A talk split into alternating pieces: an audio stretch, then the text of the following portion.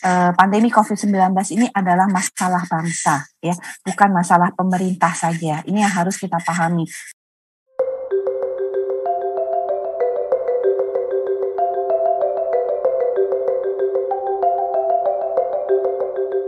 Bismillahirrahmanirrahim. Assalamualaikum Sobat PKMK, pemirsa dan pendengar podcast di mana pun Anda berada. Salam jumpa pada Bincang Sistem Kesehatan episode yang ketiga, yang berjudul Strategi Vaksinasi untuk Memperkuat Sistem Kesehatan Nasional Menghadapi Pandemi COVID-19. Semoga Anda selalu dalam keadaan sehat dan berbahagia. Acara ini merupakan bagian dari kanal pengetahuan sistem kesehatan yang dikembangkan oleh Pusat Kebijakan dan Manajemen Kesehatan atau PKMK FK KMK UGM bekerjasama dengan Knowledge Sector Initiative atau KSI. Anda juga dapat mengikuti perkembangan terbaru mengenai berbagai informasi lainnya terkait dengan sistem kesehatan pada website sistemkesehatan.net dan bencanakesehatan.net.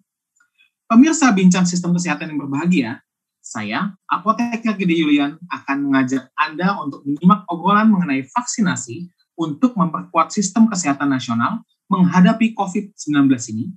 Mari kita simak acara ini sampai akhir. Pertama-tama, saya akan menyapa narasumber kita yang ditunjuk sebagai salah satu juru bicara resmi pemerintah Republik ini untuk vaksinasi COVID-19, yaitu Ibu Dr. Siti Nadia Tarmizi, MEPIT yang juga kesehariannya menjabat sebagai Direktur P2 PML atau Direktur Pencegahan dan Pengendalian Penyakit Menular Langsung Kementerian Kesehatan Republik Indonesia.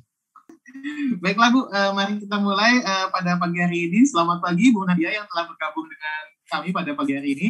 Uh, memang kami dari PKMK, FKKLK UGM, Pusat Kebijakan dan Manajemen Kesehatan, uh, Fakultas Kedokteran, Kesehatan Masyarakat, dan Keperawatan UGM ini selalu mencoba untuk mengajak Eh, narasumber dari pusat menganalisa kebijakan dan bagaimana kita juga bisa mengadvokasikan kebijakan itu, Bu. Jadi terima kasih sudah bergabung dengan kami. Baik, Bu, eh, bisa kita mulai uh, wawancaranya ya, Bu ya? Ya, terima kasih Pak Gede, terima kasih atas kesempatannya. Ya, uh, baik Bu, pada November kemarin uh, kita kan sudah uh, mengikuti juga ya Bu ya, uh, ada webinar mengenai Eh, vaksin ini. Kemudian kita sepakat uh, bahwa vaksin ini sebagai salah satu solusi untuk menghentikan laju pandemi COVID-19 ini. Uh, setelah enam bulan kemudian, apakah kita sudah bisa mengukur keberhasilan dari program vaksinasi ini, Bu? Silakan. Ya, uh, jadi kalau uh, kita lihat ya, uh, memang cakupan vaksinasi kita uh, sampai dengan uh, Juni ini kurang lebih sudah uh, 60 juta uh, dosis ya yang kita suntikan ya. Artinya uh, kalau kita lihat memang uh, jumlah yang uh, menyisakan PR terbanyak dari uh, vaksinasi di tahap pertama yaitu untuk tenaga kesehatan maupun uh, untuk pemberi pelayanan publik dan uh, lansia itu adalah pada kelompok lansia. Karena kalau kita melihat uh, pada lansia itu baru sekitar 4,7 juta yang mendapatkan vaksinasi dari target kita yang 21,5 juta. Nah, sementara kalau kita melihat untuk petugas publik maupun untuk tenaga kesehatan yang awalnya 1,4 juta dan kemudian petugas publik itu uh, totalnya itu uh, adalah uh, uh, sudah uh, mencapai ya 17 uh, juta itu juga sudah kita uh, sudah kita capai. Nah, di tahap ketiga ini kita sudah memasuki untuk usia di atas 18 tahun artinya untuk masyarakat rentan dan masyarakat umum lainnya ditambah dengan uh, usia remaja 12 sampai uh, 17 tahun. Jadi kalau uh, kita melihat angkanya maka uh, saat ini remaja itu sudah 616 yang mendapatkan uh, vaksinasi uh, untuk dosis pertamanya. Kemudian kalau kita bicara mengenai masyarakat umum itu 2,5 juta.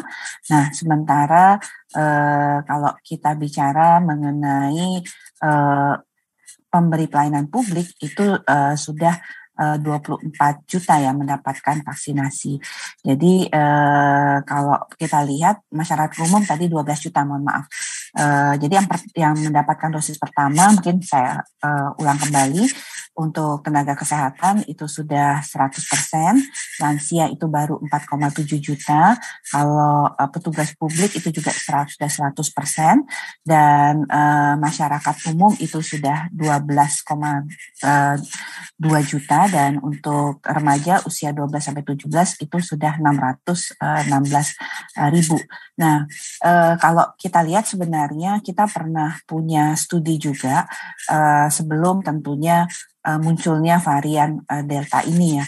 Uh, di kalau kita lihat bagaimana dampak daripada uh, vaksinasi khususnya Sinovac pada waktu itu yang kita coba kaji terhadap uh, kondisi uh, pada waktu itu adalah nakes ya karena pada waktu itu nakes itu kan yang duluan mendapatkan vaksinasi sehingga uh, dia menjadi yang pertama uh, tentunya bisa kita evaluasi. Uh, dia mereka itu mulai Januari dan hampir uh, selesai pada sekitar uh, bulan Maret. Sehingga uh, kemudian kita melakukan uh, studi yang waktu itu dilakukan di Jakarta uh, pada waktu antara 13 Januari sampai dengan 18 Maret pada waktu itu kita uh, lihat. Dan kemudian uh, kalau dari hasil tersebut, khususnya pada nakes berdasarkan hasil rutinnya, itu perlindungan untuk Sinovac itu adalah uh, 94 persen.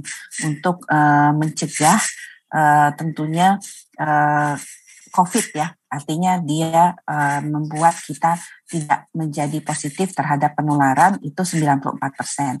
Nah kalau kemudian uh, kita melihat juga untuk mencegah terjadinya perawatan itu 96 persen dan kalau mencegah kematian itu 98 persen.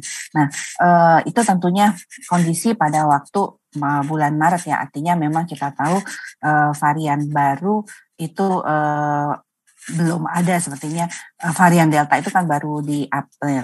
Nah, kalau kita lihat juga uh, kondisi dari uh, yang baru saja mungkin di DKI Jakarta karena kita sementara ini masih mengolah datanya uh, bahwa yang positif sekarang itu uh, cenderung adalah masyarakat yang memang belum mendapatkan vaksinasi. Rata-rata uh, uh, yang positif itu adalah yang juga kemudian uh, dengan gejala berat adalah mereka yang yang uh, belum mendapatkan vaksinasi. Sementara kalau kita berbicara yang sudah mendapatkan vaksinasi rata-rata gejalanya adalah uh, ringan bahkan sering tanpa uh, gejala. Baik Bu, jadi secara kuantitatif dan kualitatif itu sudah ada uh, menunjukkan perkembangan yang positif begitu ya Bu dari program vaksinasi ini ya. Dan, dan tadi uh, ya dan Ibu juga sudah uh, menyampaikan bagaimana vaksinasi satu setengah sampai 2 juta nakes 100% sudah dilakukan. Uh, dan memang awal Juli ini, sekarang udah sudah akhir Juli ini sudah banyak uh, target atau sasaran dari vaksinasi yang sudah divaksinasi. Nah, uh, seberapa optimis Bu uh, target vaksinasi yang sekitar 208 juta uh, populasi penduduk Indonesia ini akan tercapai? Ya, eh, pertama tentunya kita melihat ketersediaan vaksin ya, eh, Pak Gede ya. Kalau kita lihat eh, sampai dengan hari ini, terakhir kemarin pagi kita menerima vaksin Sinovac dalam bentuk bulk, eh, sehingga eh, tentunya eh, total vaksin eh, yang saat ini kita terima eh, sudah mencapai ya uh, vaksin jadi ya dalam hal ini kan karena uh, kita tahu bahwa sebagian vaksin itu kan kita terima dalam bentuk uh, bahan baku ya terutama untuk bahan baku Sinovac ya. Jadi total vaksin yang sudah kita miliki di Indonesia ini atau yang sudah kita terima ini ada 130 juta dosis ya di mana uh, dari 130 uh, juta dosis ini uh, 60 juta itu Eh, sudah kita distribusikan 60 juta lebih, sekitar 63 eh, juta lebih itu sudah kita distribusikan. Nah, sisanya ini kita siap distribusikan sekitar 70 jutaan ya.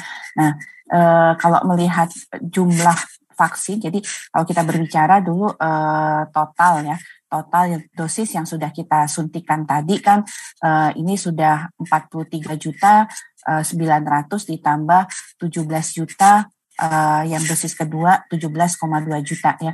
Jadi kalau kita lihat ini sudah hampir 61 uh, juta yang kita uh, berikan dosisnya ini dari 130 juta yang kita miliki.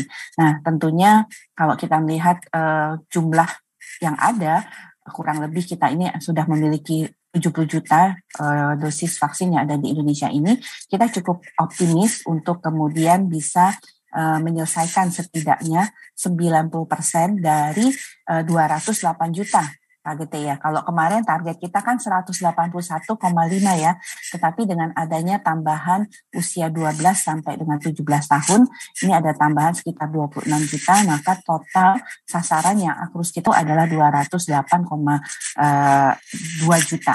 Nah, tentunya eh, kita berharap Eh, sampai dengan akhir Desember 2021 90 persen dari 208 juta ini sudah mendapatkan setidaknya dosis pertama.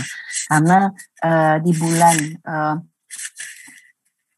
November dan Desember itu uh, skenario nya kita masih mendapatkan beberapa uh, dosis vaksin ya tentunya karena uh, masih ada kedatangan-kedatangan uh, dari vaksin tersebut yang akan kita seperti misalnya dari AstraZeneca kemudian dari Novavax itu juga masih akan kita terima sampai dengan uh, November Desember nah artinya di November Desember itu dengan uh, vaksin yang juga akan baru kita terima pasti ini adalah untuk memenuhi khususnya untuk uh, dosis keduanya. Nah, tentunya ini yang uh, artinya kita tidak mungkin ya untuk bisa menyelesaikan 100% dosis kedua untuk semua uh, masyarakat ya karena mengingat tadi uh, saya sampaikan masih ada vaksin-vaksin yang akan kita terima uh, di akhir-akhir tahun. Ya, alhamdulillah berarti ketersediaan vaksin uh, aman ya Bu ya untuk uh, populasi target itu. Tapi pada saat kita bicara vaksin ya Bu, seperti halnya imunisasi polio, campak, ini sangat tergantung sekali pada tingkat literasi masyarakat. Jadi meskipun pemerintah sudah memilih Sinovac, AstraZeneca yang seperti tadi Ibu sudah sebutkan, kemudian uh, dan uh, juga sistem distribusinya sudah sangat baik sekali, kemudian penyimpanannya sudah sangat terpadu dengan kita lihat BUMN, TNI Polri juga sudah sangat mendukung. Alhamdulillah sangat uh, baik sekali kolaborasinya di lapangan. Tapi uh, hoax, misinformasi, narasi negatif ini masih menjadi tantangan terhadap program vaksinasi ini. Apakah betul seperti itu, Bu? Apakah ini menjadi tantangan terbesar sebagai uh, dalam program vaksinasi ini? Kemudian strategi apa kira-kira untuk menanggulanginya dari Satgas maupun dari Kementerian Kesehatan sendiri? Silakan, Bu.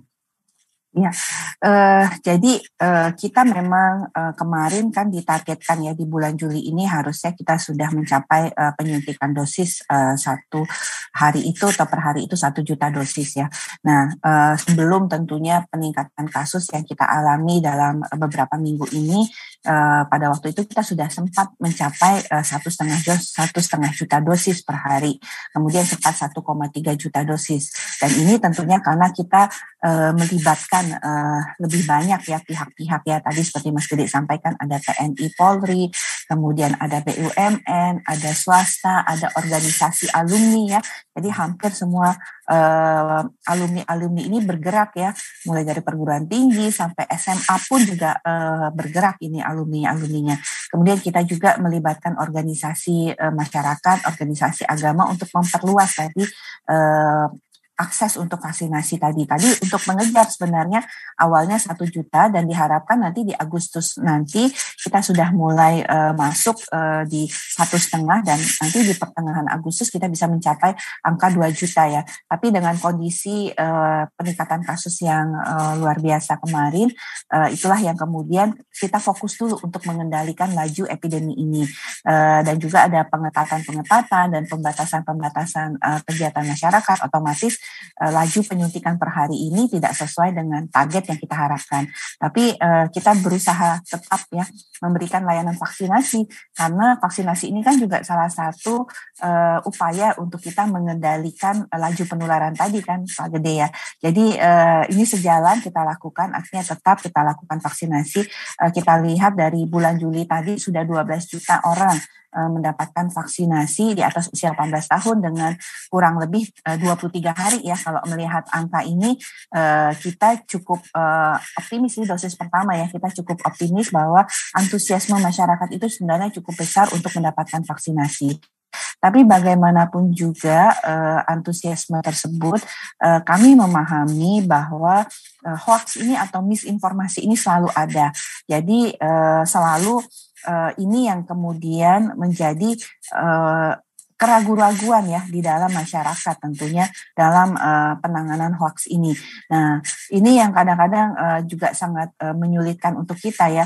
Semakin kita berkampanye untuk eh, vaksinasi ini bisa diterima masyarakat, kemudian berita-berita tentang hoax ini juga semakin banyak dan kita tahu kadang-kadang hoax ini sifatnya kadang-kadang ada yang misinformasi, ada yang disinformasi, ada yang lebih parah malinformasi ya seperti itu. Nah ini yang tentunya uh, sangat disayangkan. Salah satu yang menyebabkan uh, banyak lansia itu tidak mau divaksin adalah karena informasi yang salah juga. Karena karena mereka melihat bahwa uh, diinformasikan bahwa kalau justru lansia itu jangan divaksin karena kalau lansia itu kan banyak komorbid. Nah, kalau komorbid itu berbahaya untuk divaksin. Padahal kan message yang kita sampaikan justru terbalik ya. Artinya justru karena lansia mereka banyak komorbid ya, karena usia yang uh, sudah semakin tua, itulah penyebab utama mengapa mereka menjadi prioritas untuk divaksin lebih dahulu dibandingkan kelompok usia lainnya. Nah, jadi eh, informasi-informasi ini yang tentunya eh, sangat eh, menyulitkan ya. Dan dari hasil survei kita di awal vaksinasi itu ada tujuh persen yang masih menolak untuk divaksin dengan berbagai alasan.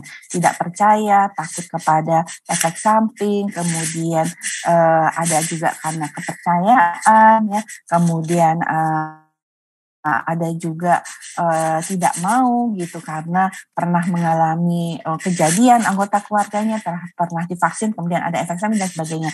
Nah, 30% dari uh, populasi yang kita survei itu ragu-ragu. Ragu-ragunya isunya kurang lebih sama ya, sama dengan yang uh, tidak mau divaksin. Jadi takut kehalalannya, uh, kemudian uh, tidak pernah, kemudian juga takut akan efek samping dan uh, atau menunggu dulu uh, orang lain yang divaksin itu juga ada tuh seperti itu. Nah di pertengahan Juni kita melakukan survei kembali terjadi penurunan kalau untuk yang ragu-ragu. Jadi yang ragu-ragu itu sudah uh, angkanya 20%, tapi yang menolak untuk divaksin ini turunnya hanya satu persen, jadi hanya enam persen yang uh, uh, yang turun uh, yang masih menolak untuk divaksin. Nah, uh, tentunya kelompok yang memang harus kita pastikan ini kelompok yang ragu-ragu tadi ya supaya jangan kemudian adanya informasi hoax kemudian muncul uh, malah yakin dan tidak mau untuk divaksin. Nah, uh, caranya kita itu sudah banyak sekali ya sebenarnya uh, tapi memang dari hasil survei telematika itu memang misalnya orang Indonesia itu karena sifatnya itu adalah gotong royong, ingin melindungi sesama.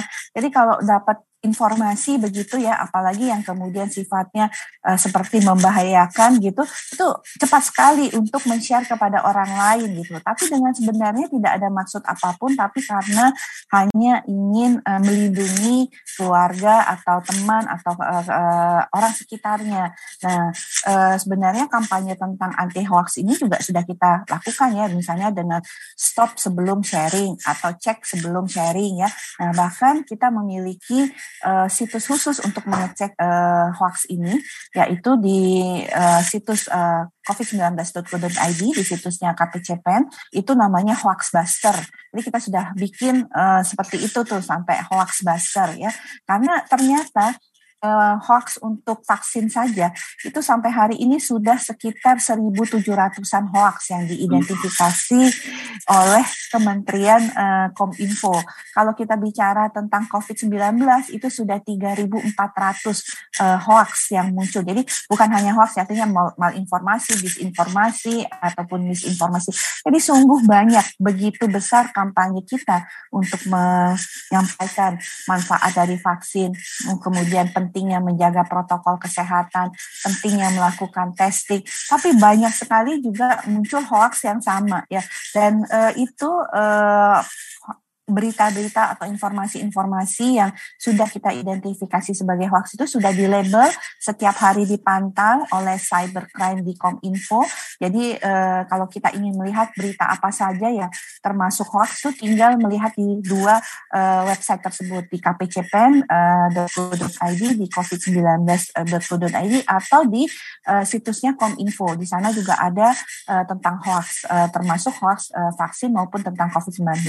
Nah, bahkan kita sudah punya aplikasinya nih, uh, Jadi untuk memudahkan masyarakat juga kita punya aplikasi. Sebenarnya ini aplikasi yang lebih luas ya, artinya aplikasi untuk COVID-19, tapi di salah satu menunya itu adalah menu untuk mencek uh, berita kalau kita curiga nih beritanya hoax atau bukan. Dan uh, ini bisa di-download di gawai kita, bisa di Play Store ataupun di Apple Store. Uh, dan di, jadi sangat mudah misalnya kita uh, memasukkan ya kata kunci. Jadi ada dua, uh, ada melalui uh, website untuk menceknya, ada yang kedua adalah berita yang melalui uh, WhatsApp. Jadi ada dua uh, menu yang ditampilkan di sana. Jadi sangat memudahkan kalau kita mau mencek hoax. Tinggal masukkan saja misalnya uh, chip dan vaksin ya karena dulu sempat uh, ribut ada chip dan vaksin ya jadi nah di situ sudah uh, keluar uh, informasi tentang itu nah yang lain juga memang kadang-kadang uh, kita mengalami beberapa tentunya uh, banyak sekali ya ahli-ahli uh, yang kemudian uh, berbeda pendapat ya tentang uh, bagaimana menyikapi vaksin ini. Nah, tentunya hal-hal seperti ini kita terus lakukan kampanye-kampanye melalui berbagai uh, media sosial maupun juga media cetak ataupun media televisi ya untuk uh, mensosialisasikan dan menjelaskan kepada masyarakat. Harapannya uh, hoax ini juga uh, bisa kita tekan seminimalisir mungkin karena ternyata masyarakat kita masih ada yang tidak percaya dengan COVID. Uh, bahkan kita pernah pada waktu itu uh, membuat sebuah video bagaimana penanganan COVID di rumah sakit karena dan kita posting pada waktu itu melalui media sosial untuk meyakinkan masyarakat. Tapi memang tidak mudah, jadi ini tantangan. Dan yang paling penting juga selain tadi kampanye melalui media-media, kita tetap menggunakan saluran-saluran yang sudah ada. Artinya bagaimana kita mengajak tokoh masyarakat, tokoh agama, ulama-ulama uh, di masjid, uh, kemudian kiai-kiai, uh, pendeta-pendeta yang untuk kemudian uh, menjelaskan dan uh, mengajak ya masyarakat untuk divaksin. Jadi melalui hal-hal uh, seperti ini juga tetap kita lakukan ya. Uh, artinya bagaimana puskesmas sebagai pusat informasi di mana mereka juga terus uh, menyebarkan atau menginformasikan kepada masyarakat tentang uh, manfaat vaksin ini.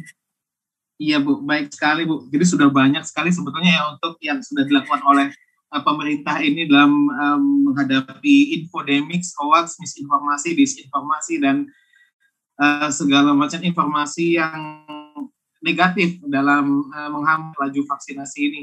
Jadi uh, apakah pemerintah uh, juga akan melibatkan selebritis, youtuber, Instagram endorser maupun buzzer di WhatsApp group untuk mengarus utamakan informasi tentang vaksin uh, COVID-19 ini ke masyarakat juga Bu? Seperti mungkin uh, sinetron Ikatan Cinta maupun uh, opa-opa Korea gitu Bu? ya, eh, jadi eh, kalau kita lihat di TikToknya Kementerian Kesehatan, kita juga pernah eh, menggunakan salah satu karikatur eh, dari Jepang ya, eh, saya lupa persis namanya itu. Jadi kita juga eh, menggunakan eh, eh, seperti itu. Kemudian juga eh, mengenai eh, selebritis kalau kemarin ya sempat uh, di uh, Hang Jebat itu uh, ada Andin yang uh, di menerima vaksin dosis pertama ya bersama suaminya. Nah, itu kita juga uh, minta untuk uh, mengisi uh, TikTok kita ya. Jadi uh, memang uh, pendekatan kita untuk influencer. Nah, influencer ini kan memang uh, macam-macam levelnya ya, bukan hanya selebriti saja ya Pak Gede ya. Kalau kita lihat mulai dari kalau kita melihat ini kan e, bermacam-macam. Influencer ini mulai dari selebriti tapi kemudian juga bisa juga tokoh agama e, kemudian e, apa tokoh masyarakat. Ini bisa menjadi tentunya influencer kita ya. Dan kalau kita melihat kemarin juga ada seperti influencer yang uh, apa followernya banyak ya. Nah, kalau followernya banyak itu juga kita uh, ikutkan seperti ada dokter Tan yang sudah membantu kita juga ya. Uh, dan juga sebenarnya kalau terkait kampanye untuk uh, vaksinasi ini KPCPEN itu bekerja sama juga dengan Slang uh, untuk uh, membuat acara rutin tentang vaksinasi di uh, stasiun Metro TV. Jadi uh, memang uh, artinya kita berusaha melibatkan sebanyak mungkin ya pihak-pihak untuk kemudian uh, membantu kita dalam rangka uh, uh, tentunya bagaimana kita uh, mengkampanyekan ya. Uh, kalau kita lihat kan banyak sekali sih sebenarnya yang kita libatkan untuk dalam hal ini seperti apa, kemudian tadi influencer-influencer. Jadi memang kita punya sebenarnya strategi komunikasi yang uh, tentunya sudah teridentifikasi kalau uh, kita melihat uh, ada juga kita punya juru bicara pada level nasional, provinsi, kabupaten, kota itu juga merupakan salah satu ya upaya-upaya. Nah, uh, artis itu juga salah satu ya, uh, tapi juga influencer itu banyak sekali ya di uh, baik itu di uh, Instagram, uh, di TikTok maupun di uh, Twitter maupun di Facebook. Nah ini yang juga uh, kita ajak untuk kemudian uh, mengkampanyekan uh, dan memberikan penjelasan kepada masyarakat mengenai manfaat vaksin ini. Iya Bu, baik Bu, luar biasa. Memang semua lini harus bersatu padu menghadapi COVID-19 ini ya Bu ya. Nah yang terakhir nih Bu, uh, lesson learn apa yang paling penting dari pandemi COVID-19 ini untuk menjadi bahan perbaikan program vaksinasi ke depannya Bu? Karena untuk mencapai herd immunity, bukan herd stupidity ya Bu, Indonesia masih butuh melanjutkan vaksinasi ke tadi itu 208 juta target. Nah, bagaimana uh, lesson learn-nya dan bagaimana uh, agar vaksinasi ini bisa memperkuat sistem kesehatan nasional. Silakan. Iya, jadi saya mulai uh, menyambung dulu ya uh, bahwa uh, tadi yang topik kita bagaimana uh, kita bisa bukan hanya menangkis uh, hoax ya dan tapi juga kemudian sifatnya adalah kemudian uh, mengajak mensosialisasi dan mendorong masyarakat untuk mau divaksin dan uh, melaksanakan protokol kesehatan. Jadi kalau kita berbicara sebenarnya dari aspek uh, komunikasi resiko maupun komunikasi publik, dua hal pesan kita tadi. Uh, yang pertama adalah uh, ayo uh, lakukan patuhi dan disiplin protokol kesehatan. Yang kedua adalah ayo uh, siap divaksin ya. Nah, uh, tadi kalau sedikit menyambung ya, uh, lesson apa? Betul bahwa di masa pandemi ini kita memang harus bergotong royong. Eh, pandemi COVID-19 ini adalah masalah bangsa, ya, bukan masalah pemerintah saja. Ini yang harus kita pahami. Kalau masalah bangsa, artinya roda pentahelix itu harus betul-betul berjalan, ya. Kalau kita berbicara mengenai um, mulai tadi ya, uh, bagaimana influencer ya karena Pak Gede tadi mengatakan uh, pentingnya untuk melibatkan influencer. Nah tadi kita balik lagi nih influencer ini kan bisa public figure ya kan, kemudian bisa artis atau selebriti ya, hmm. kemudian atau bisa juga tadi tokoh agama ya kan yang sangat disegani atau uh, suatu komunitas yang uh, kita tahu misalnya nih kalau namanya websitenya Muhammadiyah itu paling banyak diakses dan didengar orang ya.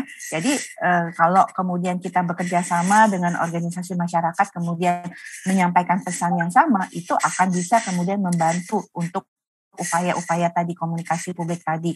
Juga Telegram lah sudah pasti ya. Kemudian juga kita melibatkan bukan hanya dari sisi eh,